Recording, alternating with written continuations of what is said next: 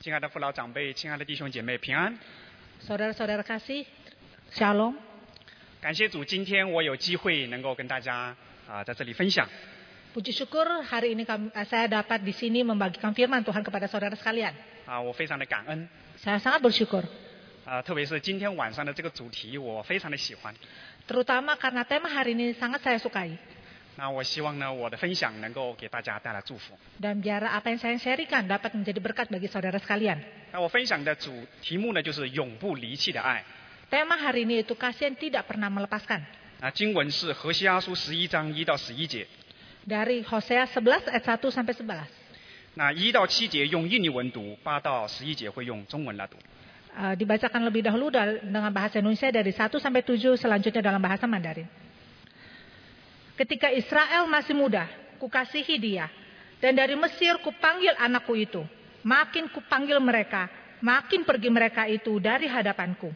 Mereka mempersembahkan korban kepada para Baal dan membakar korban kepada patung-patung. Padahal akulah yang mengajar Efraim berjalan dan mengangkat mereka di tanganku. Tetapi mereka tidak mau insaf bahwa aku menyembuhkan mereka. Mere- Aku menarik mereka dengan tali kesetiaan, dengan ikatan kasih. Bagi mereka, aku seperti orang yang mengangkat kuk dari turang lahang mereka. Aku membungkuk kepada mereka untuk memberi mereka makan. Mereka harus kembali ke tanah Mesir dan Asyur akan menjadi raja mereka. Sebab mereka menolak untuk bertobat. Pedang akan mengamuk di kota-kota mereka. Akan memusnahkan palang-palang pintu mereka. Dan akan memakan mereka di benteng-benteng mereka. Umatku betah membelakangi aku. Mereka memanggil kepada Baal dan berhenti meninggikan namaku. 第八节，以法莲呐、我怎能舍弃你？以色列啊，我怎能弃绝你？我怎能使你如亚玛？怎能使你如洗扁？我回心转意，我的怜爱大大发动，我必不发猛烈的怒气，也不再毁灭以法莲，因我是神，并非世人。是你们中间的圣者，我必不在怒中临到你们。耶和华必如狮子吼叫，子民必跟随他。他一吼叫，他们就从西方急速而来；他们必如雀鸟从埃及急速而来，又如鸽子从亚述地来到。我必使他们住自己的房屋，这是耶和华说的。弟兄姐妹，何西阿书是北国以色列的先知何西阿，在国家走向衰亡的最后几十年里面，向他的祖国同胞所传达的从上帝而来的信息。 Kitab Nabi Hosea adalah pesan yang diberitakan oleh Hosea, Nabi Hosea, nabi dari kerajaan utara kepada bangsa-bangsa se- bangsa-bangsa eh, kepada saudara-saudara sebangsanya pada waktu menuju kemerosatan. 那这是一卷非常宝贵的先知书， Ini adalah sebuah kitab nabi yang sangat berharga. 全书展示了神对其犯罪的子民的深深的爱。 Seluruh kitab ini menunjukkan kasih Allah kepada umatnya yang selalu memberontak. 这种爱呢，在书当中显展示为丈夫对一个不忠的淫妇的爱。 Dalam kitab ini menunjukkan kasih Allah bagaikan kasih seorang suami kepada istrinya yang seorang pelacur. 也对像展也展示为一位慈父对一位屡屡悖逆犯罪的逆子的深深的爱。 Dan juga menu- dinyatakan bagai kasih seorang bapak kepada anaknya yang selalu memberontak. 那刚才我们读的这个第十一章呢，描述的就是后面这种父亲对逆子的爱。 Dan kitab yang tadi kita barusan baca adalah kasih yang menggambarkan bagaikan kasih seorang ayah kepada anaknya yang memberontak. 但是不管是哪一种爱呢，我们可以说都是永不离弃的爱。 Namun bagaimanapun jenis apapun kasih yang dinyatakan di sini tetap menunjukkan kasih yang tidak pernah melepaskan. 那这种爱在我们刚才读的第十一章中，十一章的经文当中是怎样体现的呢？ Nah kasih yang bagaimana yang disebutkan dinyatakan di pasal 11 ini. 如果大家有圣经，你可以看到经文，你会发现在第一节，神就提到了神要把以色列民从埃及当中拯救出来，这就是因为神爱他们。 Jika kita baca dalam uh, kitab ini di ayat 1 dikatakan kasih Allah itu dinyatakan bagaimana karena kasihnya Allah membawa bangsa Israel keluar dari tangan tanah Mesir. 大家都知道这个出埃及的故事，我们可以说也是拯救和爱的故事。 Dan kita tahu bagaimana proses perjalanan kasih Allah pada waktu membawa bangsa Israel keluar dari tanah Mesir ini. 那接着到了第二节呢，神就又说到他派众先知来呼唤他们。 Dan di, pas, eh, di ayat kedua dinyatakan bagaimana Allah menyuruh nabinya untuk memanggil bangsa Israel kembali kepadanya. 第三节到第四节里面说，神还怀抱医治和养育他们。 Dan di ayat ketiga sampai keempat bagaimana Tuhan mengangkat, menggendong mereka, memelihara mereka. 然而以色列民又是怎样回应神的爱的呢？ Namun bagaimana respon bangsa Israel terhadap kasih Allah yang demikian ini? 第二节里面说，众先知越呼唤，他们就越远离，转去拜偶像。 Di ayat kedua dikatakan, makin dipanggil, makin mereka menjauhi aku. 第三节说，他们不知是神的医治。 Di ayat ketiga dikatakan, mereka tidak insaf dalam bahasa Mandarin atau Inggris, dikatakan mereka tidak tahu. 弟兄姐妹，真的是不知道吗？ Apakah benar tidak tahu? 好像不知者不为罪是吗 Apakah kalau misalnya tidak tahu berarti tidak berdosa? ？No， Tentu saja tidak. 我们从圣经对以色列人的历史记载可以清楚的看到，根本就不是不知， Dari sejarah yang dicatat dalam eh, bangsa Israel sebenarnya bukannya tidak tahu, 而是因为不纪念神的爱， namun tidak ingat akan kasih Allah. 忘恩负义， Tidak tahu berterima kasih. 无知悖逆顽梗。 Sangat keras kepala. 他们的罪性作为上帝的子民，他们的罪性跟外邦人的罪性是一样的。 Dosa mereka seperti dosa bangsa-bangsa Israel, bangsa-bangsa lain tidak mengenal Allah. 所以，其实上耶和华神在第一到第四节，他是在以一位控告者的角色来指控逆子以色列民的罪。 Karena itu dari ayat 1 sampai ayat 4 Allah bagaikan seorang pendakwa sedang mendakwa dosa-dosa bangsa Israel.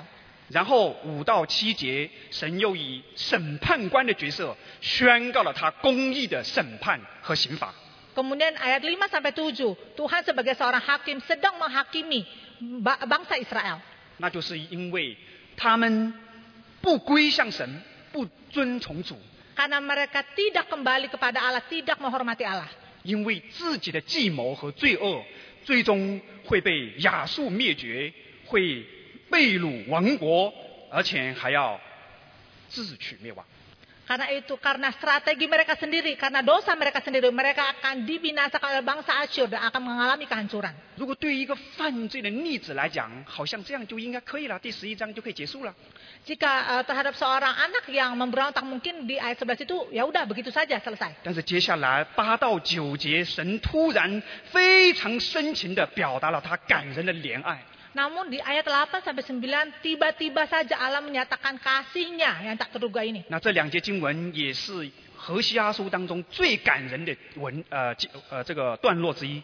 Ayat ini adalah ayat sangat yang menggerakkan dari kitab Hosea. 神说 Allah berkata,：“ 以法莲呐、我怎能舍弃你？以色列啊，我怎能弃绝你？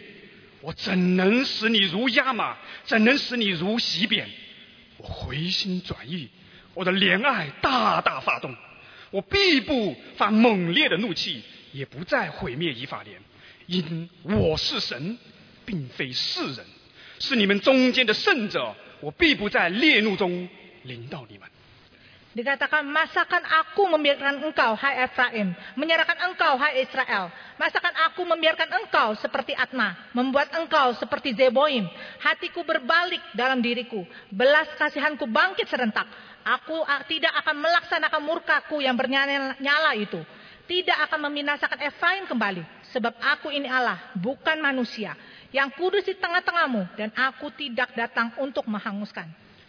我们看到前面神以控告者又以审判官的角色， Kita lihat di depan Tuhan sebagai seorang pendakwa dan sebagai seorang hakim. 倒是但是在这里突然又变成了一位慈父。 Namun tiba-tiba saja ia berubah menjadi seorang ayam penuh kasih. 这一位慈父正在对逆子表以色列民表达无与伦比的爱。 Di sini ia sedang menyatakan kasihnya kepada bangsa Israel yang tidak dapat ditandingi. 这位慈父应许必不在烈怒当中毁灭以法莲，也就是以色列。 Dan di sini nyatakan bahwa dia tidak akan membinasakan bangsa Israel. Efraim itu bangsa Israel. 而且接下来到十十到十一节还应许，最终必使他们如候鸟一样归回。 Dan dari ayat 10 sampai 11 nyatakan bahwa dia berjanji akan membawa bangsa Israel kembali seperti burung yang akan berimigrasi kembali.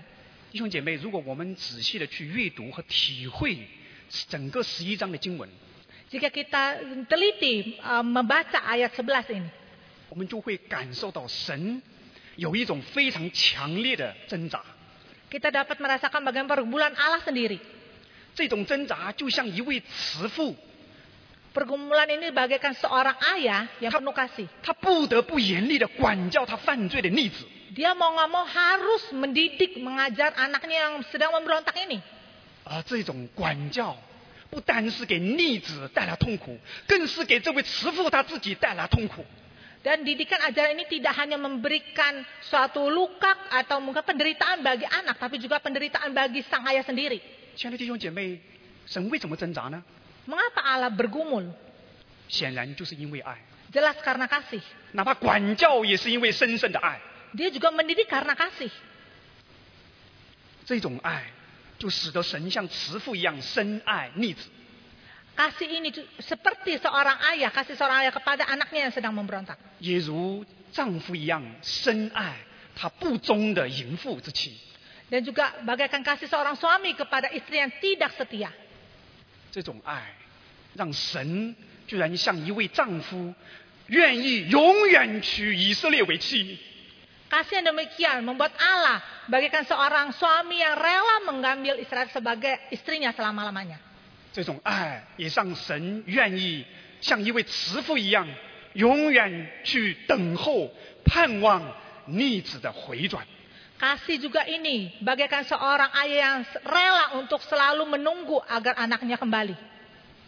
这种爱，就是保罗所描写的恒久忍耐。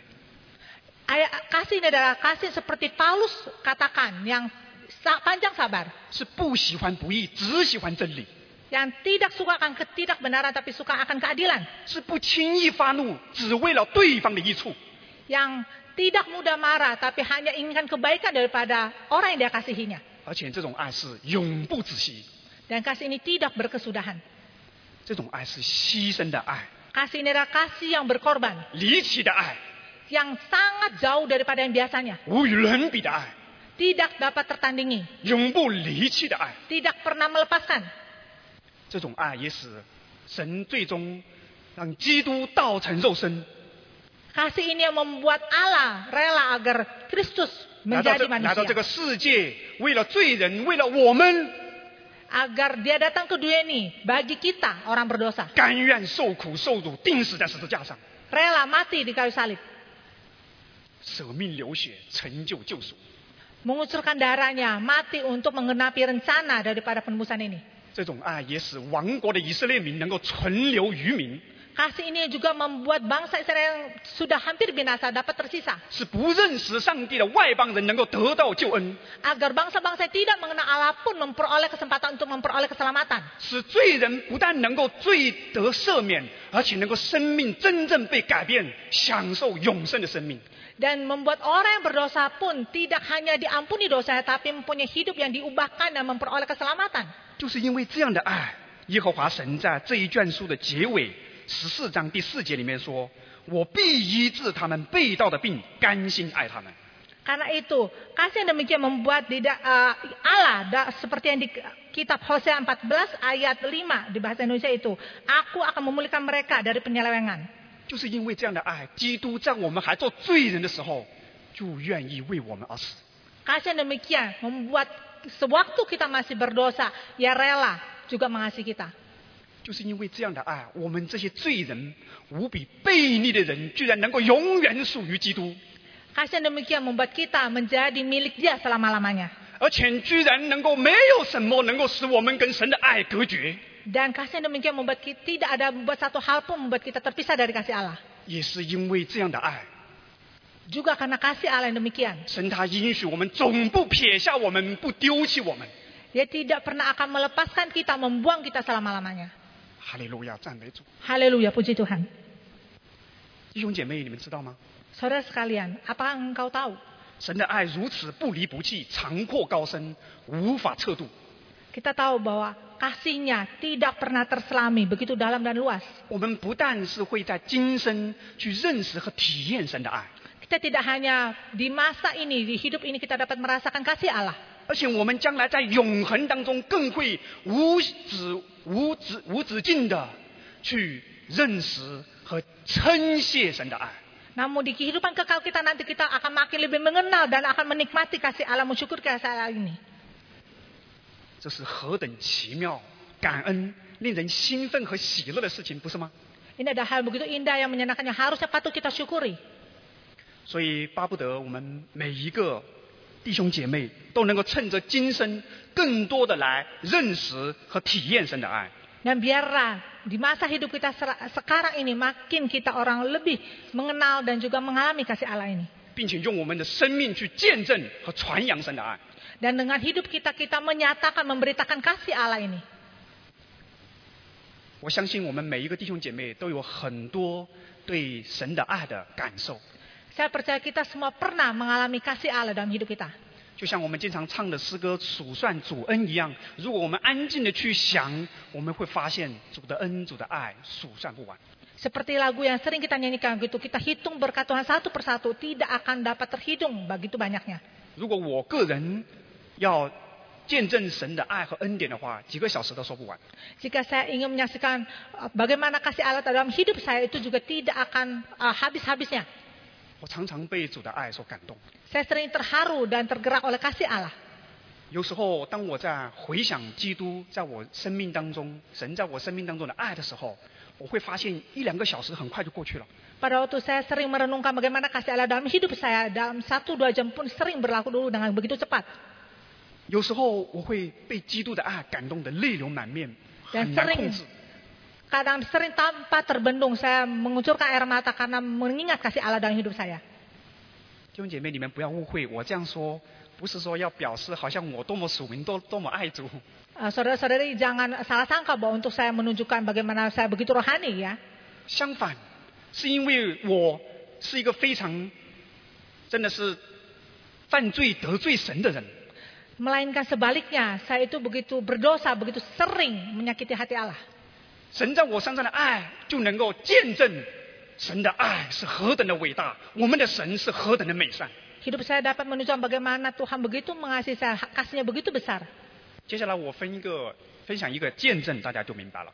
Sebentar lagi saya akan menyaksikan suatu kesaksian. 那这个见证呢，有我们教会有一些弟兄姐妹知道。 Kesaksian ini mungkin ada beberapa saudara-saudari yang pernah mengetahuinya. 那这首见证呢，跟这个诗歌这首诗歌有关系。 Eh, Kesaksian ini berhubungan dengan eh, lagu ini. 这首歌叫《主的爱》， Judul lagu ini adalah Kasih Tuhan. 这是我二零一六年在沙阿还在读书的时在神学院读书的时候创作的一首诗歌。 Ini adalah lagu yang saya ciptakan pada waktu tahun 2016 ketika saya masih ada di saat. 当时我为什么会创作这首诗歌呢？ Pada waktu itu kenapa saya bisa membuat eh, lagu ini? 其实上，我在大学的时候蒙神呼召的时候，也创作创作过几首诗歌。 Sewaktu saya di SMA, saya waktu dipanggil Allah, saya juga menciptakan sebuah lagu. 那这首诗歌呢，我觉得最的最特别。 Namun saya rasa lagu ini sangat eh, spesial.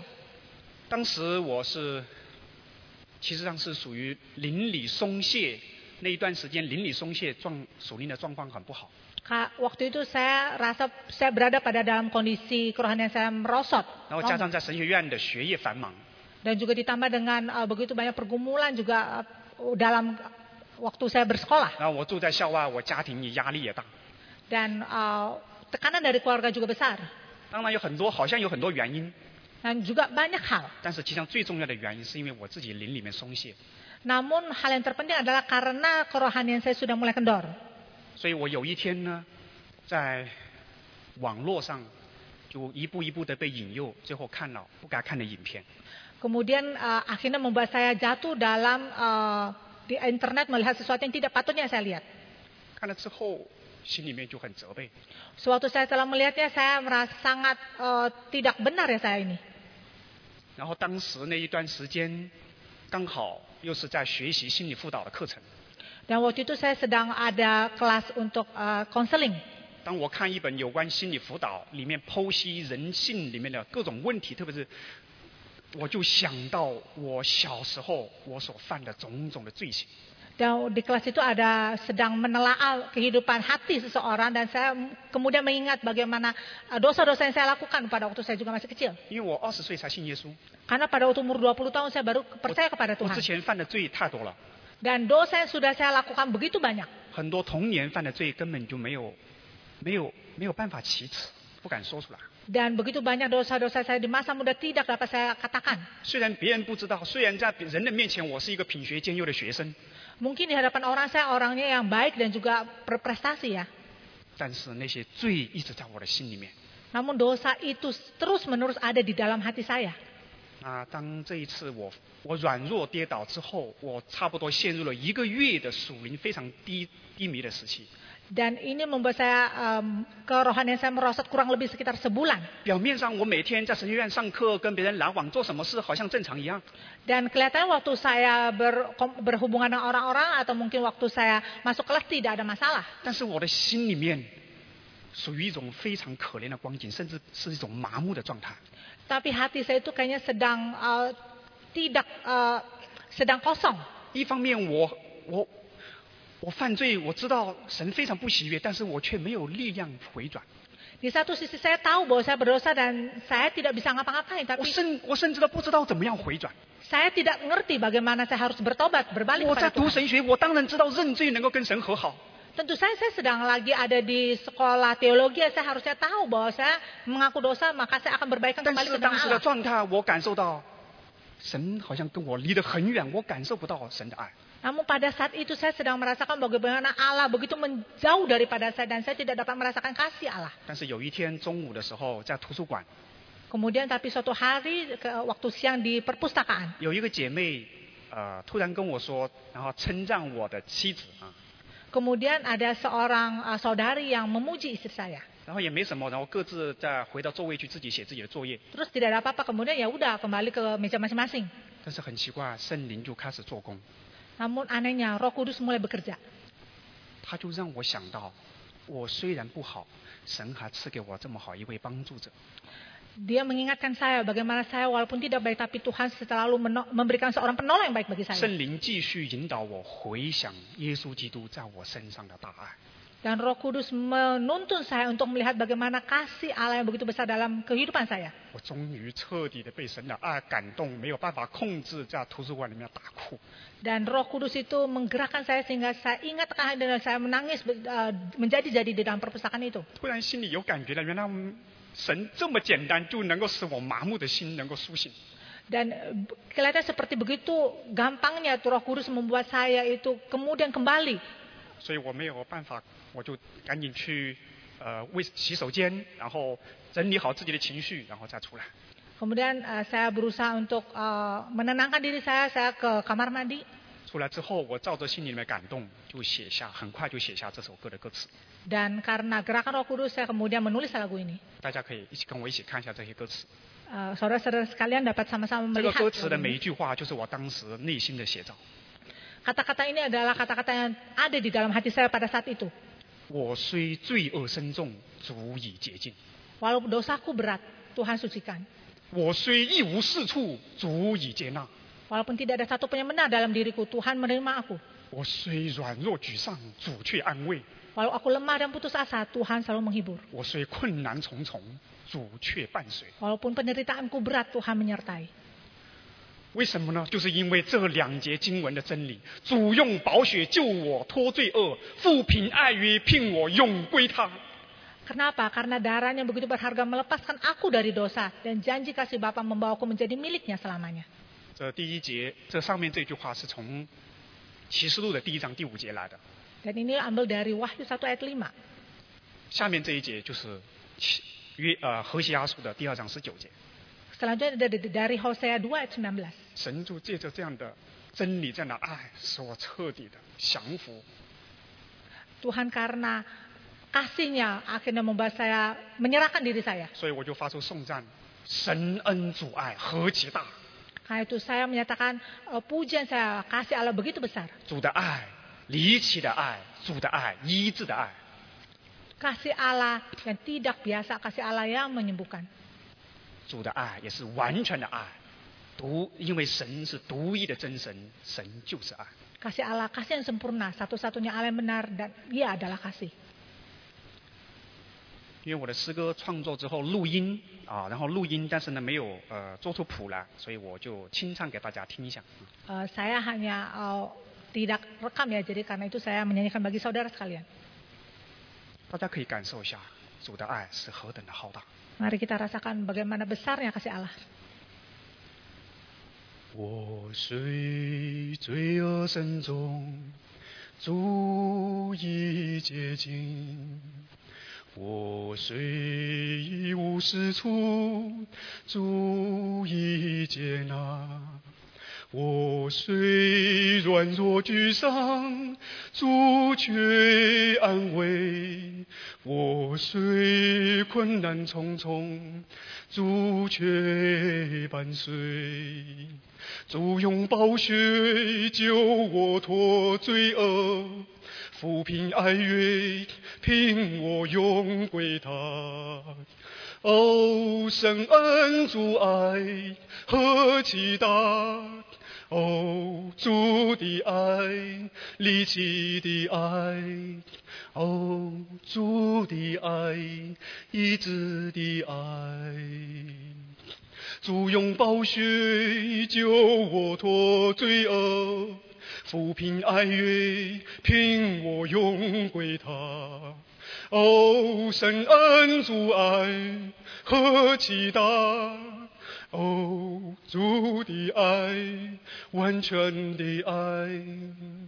哦，独一真神，你就是爱。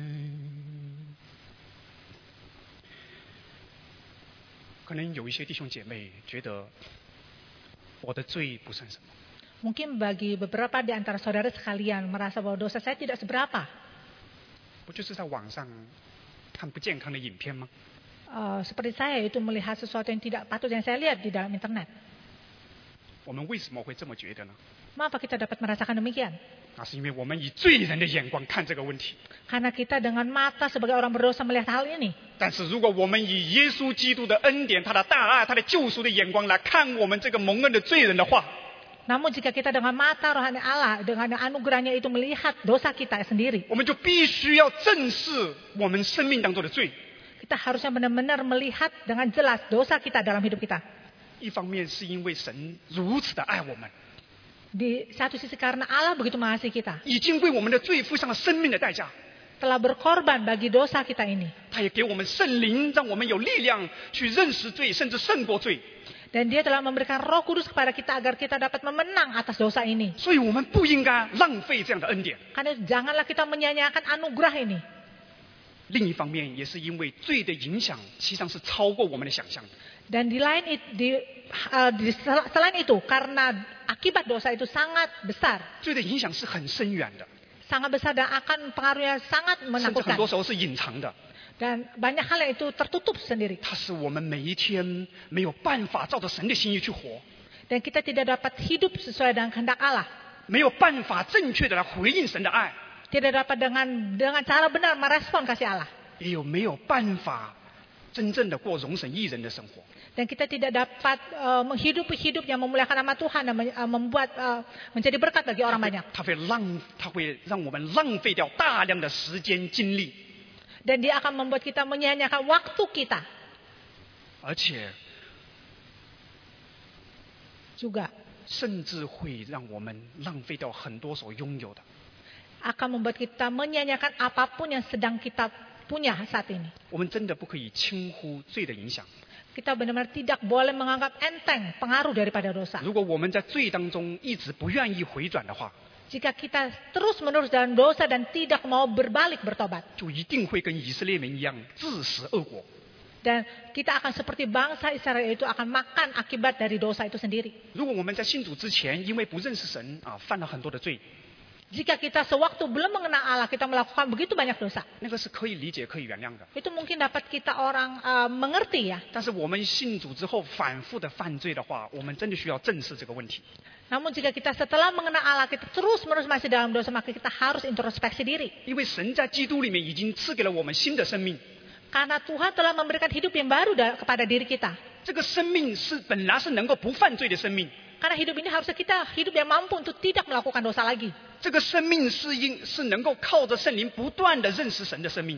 Karena hidup ini harus berdasarkan roh kudus kita ma- terus menerus hidup dalam roh. 本来也是能够越来越敬畏神、顺服神的生命， Dan hidup yang harus makin memuliakan nama Tuhan. 而且也是能够越来越认识罪、胜过罪，甚至是恨恶罪的生命。 Dan harusnya kita makin lebih tahu dosa itu dan akan men- membenci dosa itu dan me- menang atasnya. 如果我们这样去想，你就知道神为着我们得到这样的生命，他所付出的爱是何等的浩大。 Dan jika kita telah ingat akan hal ini, betapa besarnya kasih Allah dan begitu 我 besar 们在基 pengorbanan 督 Dia. 里面，我们在基督里面所享受的恩典是何等的恩典。 Anugerah yang kita telah nikmati di dalam hidup kita itu adalah anugerah yang begitu besar. 而且神他赐给我们永不离弃的爱的这样的应许， Dan Tuhan telah menjanjikan kasih yang tidak pernah melepaskan. 所以我们实在应该来正确的回应神， Karena itu ha- hendaknya kita memberikan respon yang benar kepada Allah. 而不是让这些恩典成为我们放纵情欲、犯罪的机会。 Dan janganlah membuat anugerah ini menjadi kita sembarangan saja hidup. 但是我们不得不承认，我们在成圣的路上常常还是会失败、得罪神。 Nam- namun kita mungkin harus mengakui dalam perjalanan hidup kita masih sering kita kalah dan jatuh dalam dosa. 但是哈利路亚，赞美主， Namun haleluya puji Tuhan. 我们是因信称义， Kita karena iman dibenarkan. 我们也是因信讨神的喜悦， Karena kita iman maka Tuhan 我们也是 senang 因 akan 着 kita. 基督的恩典，因着神永不离弃的爱，才能够回应神的爱，来不断的在成圣的路上长进。 Karena dengan kasih Allah ini kita dapat terus-menerus meresponi eh, eh, ke- kasih Allah dan hidup terus bertumbuh. 所以我们的生命实在是应该，而且是能够不断的悔改、不断长进的这样的新的生命， Karena itu hidup kita harusnya hidup yang terus-menerus bertumbuh dan juga maju terus. 而不是跟以色列人一样不断的悖逆。 Dan bukannya seperti bangsa Israel yang terus-menerus memberontak. 所以感谢主， Karena itu puji Tuhan. 愿神永不离弃的爱能够激励我们， Biar kasih Allah yang eh, terus-menerus eh, tidak pernah eh, mem- ki- buat kita orang terus-menerus dapat merasakan kasih Allah. 使我们常常被神的爱感动和激励， Agar re- kasih Allah ini terus-menerus mendorong kita. 从而使我们一生真正的能够忠于神，能够爱神，也能够荣耀神， Agar hidup kita terus-menerus selamanya dapat memuliakan Allah. 使我们人生更多的被神所纪念、价值成到永远。 Agar hidup kita dikenang oleh Allah. 阿门。 Amin. 好，接下来我要邀请弟兄姐妹一起来安静做回应的祷告。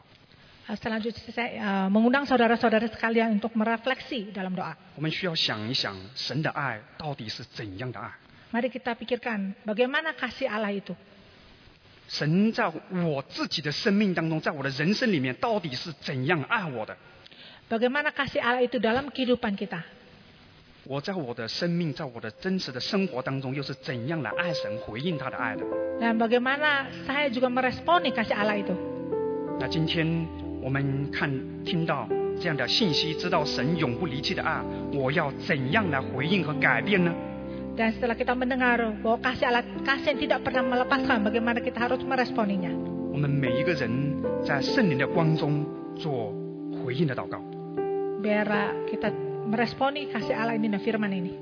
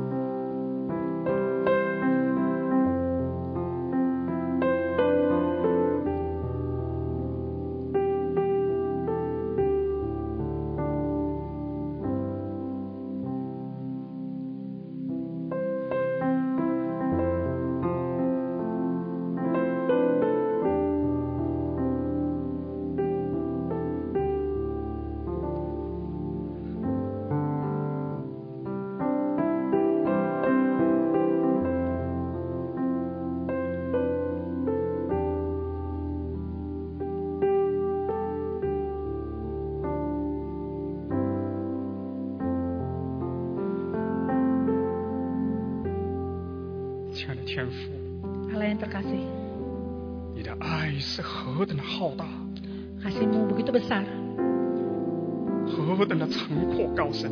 panjang dan lebar. 我们这些罪人、有限的人，实在无法测度，也无法完全的明白。 Kami sebagai orang berdosa, kami tidak dapat selamanya menyelami dan mengerti kasihmu. 但是你的爱不是照着我们所行的， Namun kasihmu bukan karena apa yang kami perbuat, 那是你自己单方面甘心爱我们， namun kasih yang engkau sendiri mau rela 在 mengasihi 创 kami 世以前居然整，居然愿意拣选我们这些罪人， dan rela memilih kami sebagai orang yang berdosa ini. 而且以永不离弃的爱伴随我们走过人生的道路。 Dan yang kasih yang tidak pernah melepaskan selalu menyertai kehidupan kami. 我们在我们的人生路上会常常跌倒、犯罪、得罪你。 Tuhan dalam kehidupan kami, kami sering jatuh dan juga berdosa. 我们也常常因为自己悖逆，主啊，远离你， Dan sering karena pemberontakan, pemberontakan kami, kami menjauhi engkau. 忘记你的爱， Melupakan kasihmu. 甚至有时不认识你的爱， Dan sering karena tidak mengenal kasihmu. 不以你为我们真正爱的独一的对象，而以其他的人事物作为我们心中所爱。 Dan tidak menjadikan engkau sebagai objek kasih, malah menjadikan orang lain sebagai objek kasih. 主啊，求你在基督里面再一次赦免和洁净我们， Tuhan sekali lagi engkau kiranya mengampuni kami, menyucikan 也 kami. 愿你的爱永不离弃的爱来激励我们， Biar kasihmu yang tidak pernah melepaskan itu selalu menguatkan kami, mendorong kami. 让我们在你的爱里面重新得力。 Agar kami dikuatkan 那么靠着圣灵，不再靠着我们自己来回应基督的爱， dengan pertolongan roh kudus, bukan dengan diri kekuatan diri kami sendiri meresponi kasihmu. 也让我们常常有时间安静来思想你在我们生命当中的爱和作为。 Dan biar kami punya waktu untuk terus menerus ingat akan kasihmu dalam kehidupan kami. 恳求圣灵在我们心里面做工，吸引我们，让我们去追求爱基督。 Biar roh kudus terus menerus bekerja dalam, haraka, dalam hati kami untuk terus menerus mau mengasihi engkau. 因为神浩大不能够测度的爱和永不离弃的爱，已经体现在耶稣基督为我们流血钉十字架上。 Karena kasihmu yang begitu besar dan tidak dapat terselami itu telah ternyatakan dalam kasih Yesus Kristus di atas kayu salib. 主啊，愿你顾念我们的软弱， Tuhan kau tahu kelemahan kami. 除去我们心里面一切不是以你以你为最爱的其他的偶像。 Tuhan kau buang semua dalam hati kami yang tidak mengutamakan kau menjadi kasih kami. 也愿你的爱能够光照我们，恳求圣灵强烈的做工，让我们回转在你的面前。 Biar kasihmu terus menerus menerangi hati kami lagi sehingga kami dapat berbalik kepadamu. 如果我们当中有弟兄姐妹还在罪当中的， Jika ada di antara kami Tuhan yang masih dalam dosa. 恳求你在基督里面完全的接纳，并且激励我们，让我们回转在你的面前。 Tuhan kiranya dalam Kristus Yesus engkau terus mau menerima kami kembali dan bertobat kembali kepada engkau. 让我们再一次回转之后过你喜悦的生活。 Dan waktu kami berbalik kami dapat menghidupi hidup yang menyenangkan hati engkau. 如果我们当中有弟兄姐妹是因为各样的软弱，甚至没有力量回应你的爱的，恳求天父你来怜悯施恩。 Biar jika di antara kami masih ada dalam kelemahan kehidupan sehingga kami tidak dapat meresponi kasihmu Tuhan biar engkau mengasihi kami berbelas kasihanlah. 主啊，你听我们的祷告， Tuhan dengarlah doa 你 kami. 听我们每一个弟兄姐妹在你面前有声无声的祷告。 Tuhan kau dengar setiap doa kami yang bersuara apun tidak bersuara di hadapanmu. 圣灵不断的引导我们， Roh Kudus menerus, terus menerus memimpin kami. 使我们在基督里面立志，靠着主能够不断的过你所喜悦的生活， Agar kami dapat hidup terus menerus menyenangkan hatimu. 以以色列人为戒， Dan menjadikan bangsa Israel sebagai cermin bagi kami. 让我们警醒的活在你的面前， Agar kami serius hidup di hadapan kau. 因为你这么的爱我们， Karena kami tahu engkau begitu mengasihi kami. 你永不离弃我们， Engkau tidak pernah akan melepas dan membiarkan kami. 你时刻与我们同在， Engkau setiap saat 不 menyertai 管 kami. 我们在怎么处境当中， Biar dalam keadaan kami saat ini, 愿我们回到你爱的怀抱当中， kami mau kembali dalam pelukan kasihmu. 来享受你的爱， Merasakan menikmati kasihmu. 见证你的爱。 Menyaksikan kasihmu. 听我们这样祷告， Dengarlah doa kami ini 奉 Tuhan. 主耶稣基督的名， Dalam nama Tuhan Yesus kami berdoa. 阿门。 Amin. 就会到此结束，愿主赐福大家。